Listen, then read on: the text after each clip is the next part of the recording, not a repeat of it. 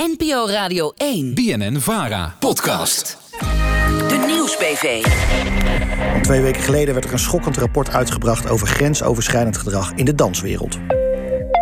Zwijgcultuur in de danswereld rond grensoverschrijdend gedrag. Hoe hoger je komt, hoe meer grensoverschrijdend gedrag. Een ander iets wat ik ook echt wel opvallend vond. Mannen uh, behoorlijk vaak slachtoffer zijn van ongewenst gedrag. Het is bewezen door een topteam. Dus het is ook een beetje erkenning als ik het zo hoor. Zeker erkenning. Bijna vier op de tien dansers had het afgelopen jaar te maken met tenminste één vorm van grensoverschrijdend gedrag. Bij 11% gaat het om seksueel wangedrag, van toespelingen tot betasting en ook verdergaande handelingen. Bij twee derde van de gevallen ging het om mannelijke slachtoffers. Het rapport dat ligt er, maar wat nu? Hoe wordt de danswereld een veilige plek? Daarover ga ik praten met de minister van Langdurige Zorg en Sport, Connie Helder. Mevrouw Helder, goedemiddag. Ja, goedemiddag. Ja, bijna vier op de tien actieve dansers heeft het afgelopen jaar te maken gehad met tenminste één vorm van grensoverschrijdend gedrag. Bent u ook zo geschrokken van het rapport? Nou ja, we hadden natuurlijk wel onze vermoedens. En dat is ook de, precies de reden waarom ik eh, de opdracht voor het onderzoek had gegeven. Maar als je deze getallen ziet, ja, dan schrik je echt wel. En uh, als je ook nog met de slachtoffers spreekt, dat heb ik ook gedaan inmiddels, ja, dan komt er toch echt wel een heel ernstig beeld naar voren over de danswereld. En dat moet echt veranderen. En toen u met de dansers sprak, wat heeft u het meest geraakt? Ja, het meeste wat je raakt natuurlijk is um, dat ze... Ik hoorde net al in de intro, weet je, zwijgcultuur. Het is ontzettend moeilijk om naar voren te stappen. En we hebben hele moedige dansers um, die naar voren zijn gestapt... en hun verhaal hebben gedaan. En op die manier zijn we er ook achter gekomen. Maar degenen die hun verhaal doen, die hebben het ook hartstikke zwaar op dit moment. En wordt, wordt echt, ze worden er echt op aangekeken. Dus het is op dit moment heel erg belangrijk. Want als je het niet weet, kun je er ook niks aan doen. Dat er meer dansers naar voren stappen. En, uh, en, en, dat we meer van deze verhalen horen. Maar het is natuurlijk ook heel zwaar, als je dit soort dingen hebt meegemaakt, om weer opnieuw je verhaal te vertellen. Hè. Dat is natuurlijk ook iets wat je weer allemaal opnieuw doormaakt. Ja, maar hoe is het mogelijk dat grensoverschrijdend gedrag zo vaak voorkomt in die danssector? Ja, het is, het is een hele bijzondere sector. Hè. Het is natuurlijk een sector die ontzettend breed en ook heel versnipperd is. Uh, denk bijvoorbeeld aan de, sport. Hè. Je kunt uh, dansen als sport doen, uh, bijvoorbeeld stijldans als sport. Maar het gaat ook over de balletacademies en het gaat natuurlijk ook over alles daartussenin, maar ook over privélessen bijvoorbeeld. En het is een, eh, een wereld in de cultuur, het is een wereld in de entertainment, uh, in de sport. Maar ook het onderwijs zit er hierin. Dus dat is een hele brede en versnipperde wereld. En ik denk een van de belangrijkste dingen die ik ook geleerd heb uit het onderzoek, is dat ook de omstandigheden waaronder uh, jonge kinderen in trainingssituaties, in onderwijssituaties, uh, in aanraking komen met de daders, ja, dat dat heel vaak ook gaat om situaties waarbij ze echt geïsoleerd zijn. En uh, ja, ook wel normaal vinden wat er gebeurt. Dus niet merken dat het abnormaal is wat er gebeurt. En eigenlijk ook geen steun in de omgeving hebben. Ja, u, u schetst al de grote problemen en de grote versnippering. Maar de vraag is natuurlijk, wat moet er gebeuren? En twee weken geleden hadden wij klokkenluider Kim Kouwmans... te gast over het rapport. En dit is wat zij graag zou willen. Wat ik heel graag wil, is, een, uh, is dat er sowieso een opvolgingscommissie komt. Uh, naar aanleiding van dit rapport, dat de aanbevelingen worden opgevolgd, waar ik natuurlijk zelf graag ook onderdeel van uh, wil zijn. En ik wil eigenlijk een hele aparte toezichthouder voor de, de, gehele danssector. Ja, in het rapport staat dat er op dansscholen niet alleen duidelijke regels moeten gelden, maar ook strakker toezicht moet komen op die naleving van die regels. Volgens Kim moet er één toezichthouder komen. Bent u het daarmee eens? Nou, ik ben het in ieder geval mee eens dat we moeten zorgen dat het echt heel erg gaat veranderen. En dat betekent dat we ook in die versnipperde wereld moeten zorgen dat we op al die plekken de dingen doen die we goed moeten doen.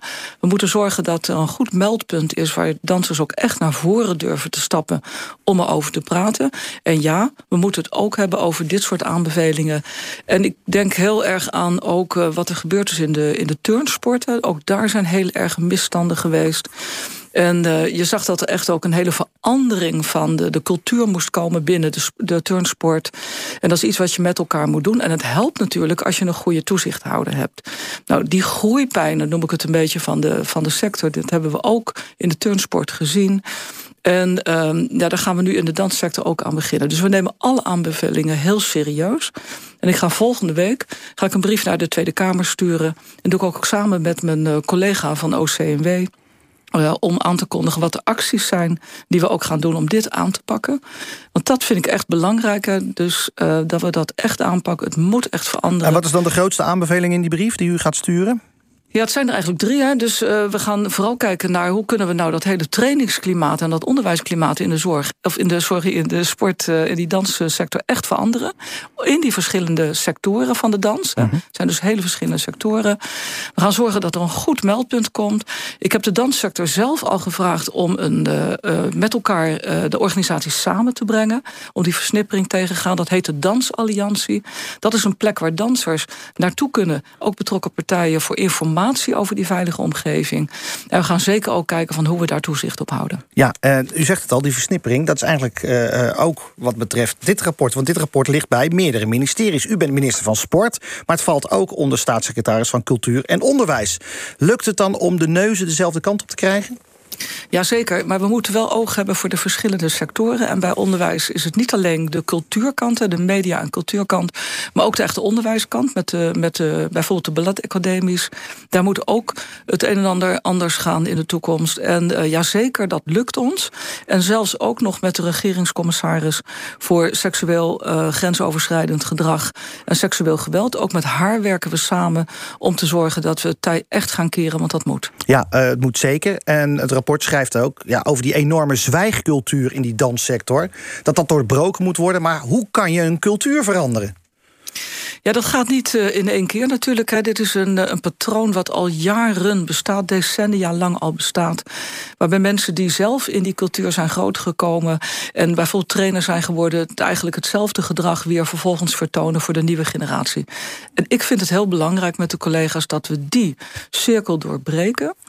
En dat zal niet in één keer gaan. Dat betekent ook dat de sector zelf tot inzicht moet komen... het anders moet doen. Ja. Maar ik vind het wel belangrijk dat we het doen... en dat we ook uh, ja, snel genoeg stappen maken. Ja, de sector moet er dag... zelf ook uh, achterkomen, mevrouw Helder. Maar veel dansscholen wilden niet meewerken aan dit rapport. Dat is toch raar? Nou, dat is niet fijn, dat vind ik ook. En uh, dat is uh, echt jammer, want je kunt pas iets veranderen... als je het ook echt weet en dat je het ook inziet. Dus dat is een van de dingen waar we natuurlijk ook voor moeten hebben. En uh, ja, dat we daar ook de dansscholen niet mee weg laten komen... dat moet ook echt anders. En, uh, want die zwijgcultuur, dat was inderdaad het opvallende... ook in het onderzoek, dat dat zo ontzettend sterk is. En ik denk dat ook, en nogmaals wil ik ook benadrukken... dat ik enorme bewondering heb voor de dansers die nu wel naar voren stappen. Je moet echt iets overwinnen in deze cultuur. Maar het is zo belangrijk dat ze dat gedaan hebben. En dat ook meer mensen naar voren stappen. Ja, het was al gek, vond ik, dat die dansscholen niet mee wilden werken... of velen niet mee wilden werken aan dit rapport. Maar het is ook zo dat iedereen gewoon een dansschool kan beginnen. Is daar niet ja, meer uh, professionaliteit nodig? Nou, het zijn allemaal dingen waar we naar aan het kijken zijn. Hè? Dus uh, we kijken ook heel erg wat is natuurlijk in het turndossier gebeurd. Professionalisering van de trainers, eisen die je kunt stellen aan. Bijvoorbeeld als je een zaaltje huurt, dat je ook kunt kijken uh, wat gebeurt daar in dat zaaltje. Want zo gaan veel dansscholen natuurlijk ook uh, te, te, te, werk. Maar ook kijken wat de sector zelf daar ook in wil veranderen. En want het is natuurlijk het meest krachtige als ook het inzicht in de sector zelf verandert. Dat ze zelf zeggen, wij vinden dat dit op een andere manier moet. En we willen ook laten laten zien dat je ons kunt vertrouwen. En dan pas gaat het echt werken. Dus de sector moet meewerken. Maar u zegt ja. ook van ja, dansers moeten vooral hun uh, verhaal vertellen en durven vertellen. Ze moeten een stapje naar voren doen. Uh, u vindt dat belangrijk. Uh, waar kunnen mensen zich dan melden? Ze kunnen zich op dit moment uh, melden, onder andere bij de Dansalliantie. En uh, er is sowieso ook nog het Centrum voor Veilige Sport... als het om uh, dansers in de sportsector gaat. Dus daar kunnen ze zich melden. Ze kunnen daar ook informatie vinden... voor de mogelijkheden afhankelijk van wat ze is overkomen. En ook ja, contact met lotgenoten. Ik denk dat dat laatste ook heel erg belangrijk is. Goed, dank u wel, minister van Sport Connie Helder. Meer van de Nieuwsbv? Volg ons op Instagram.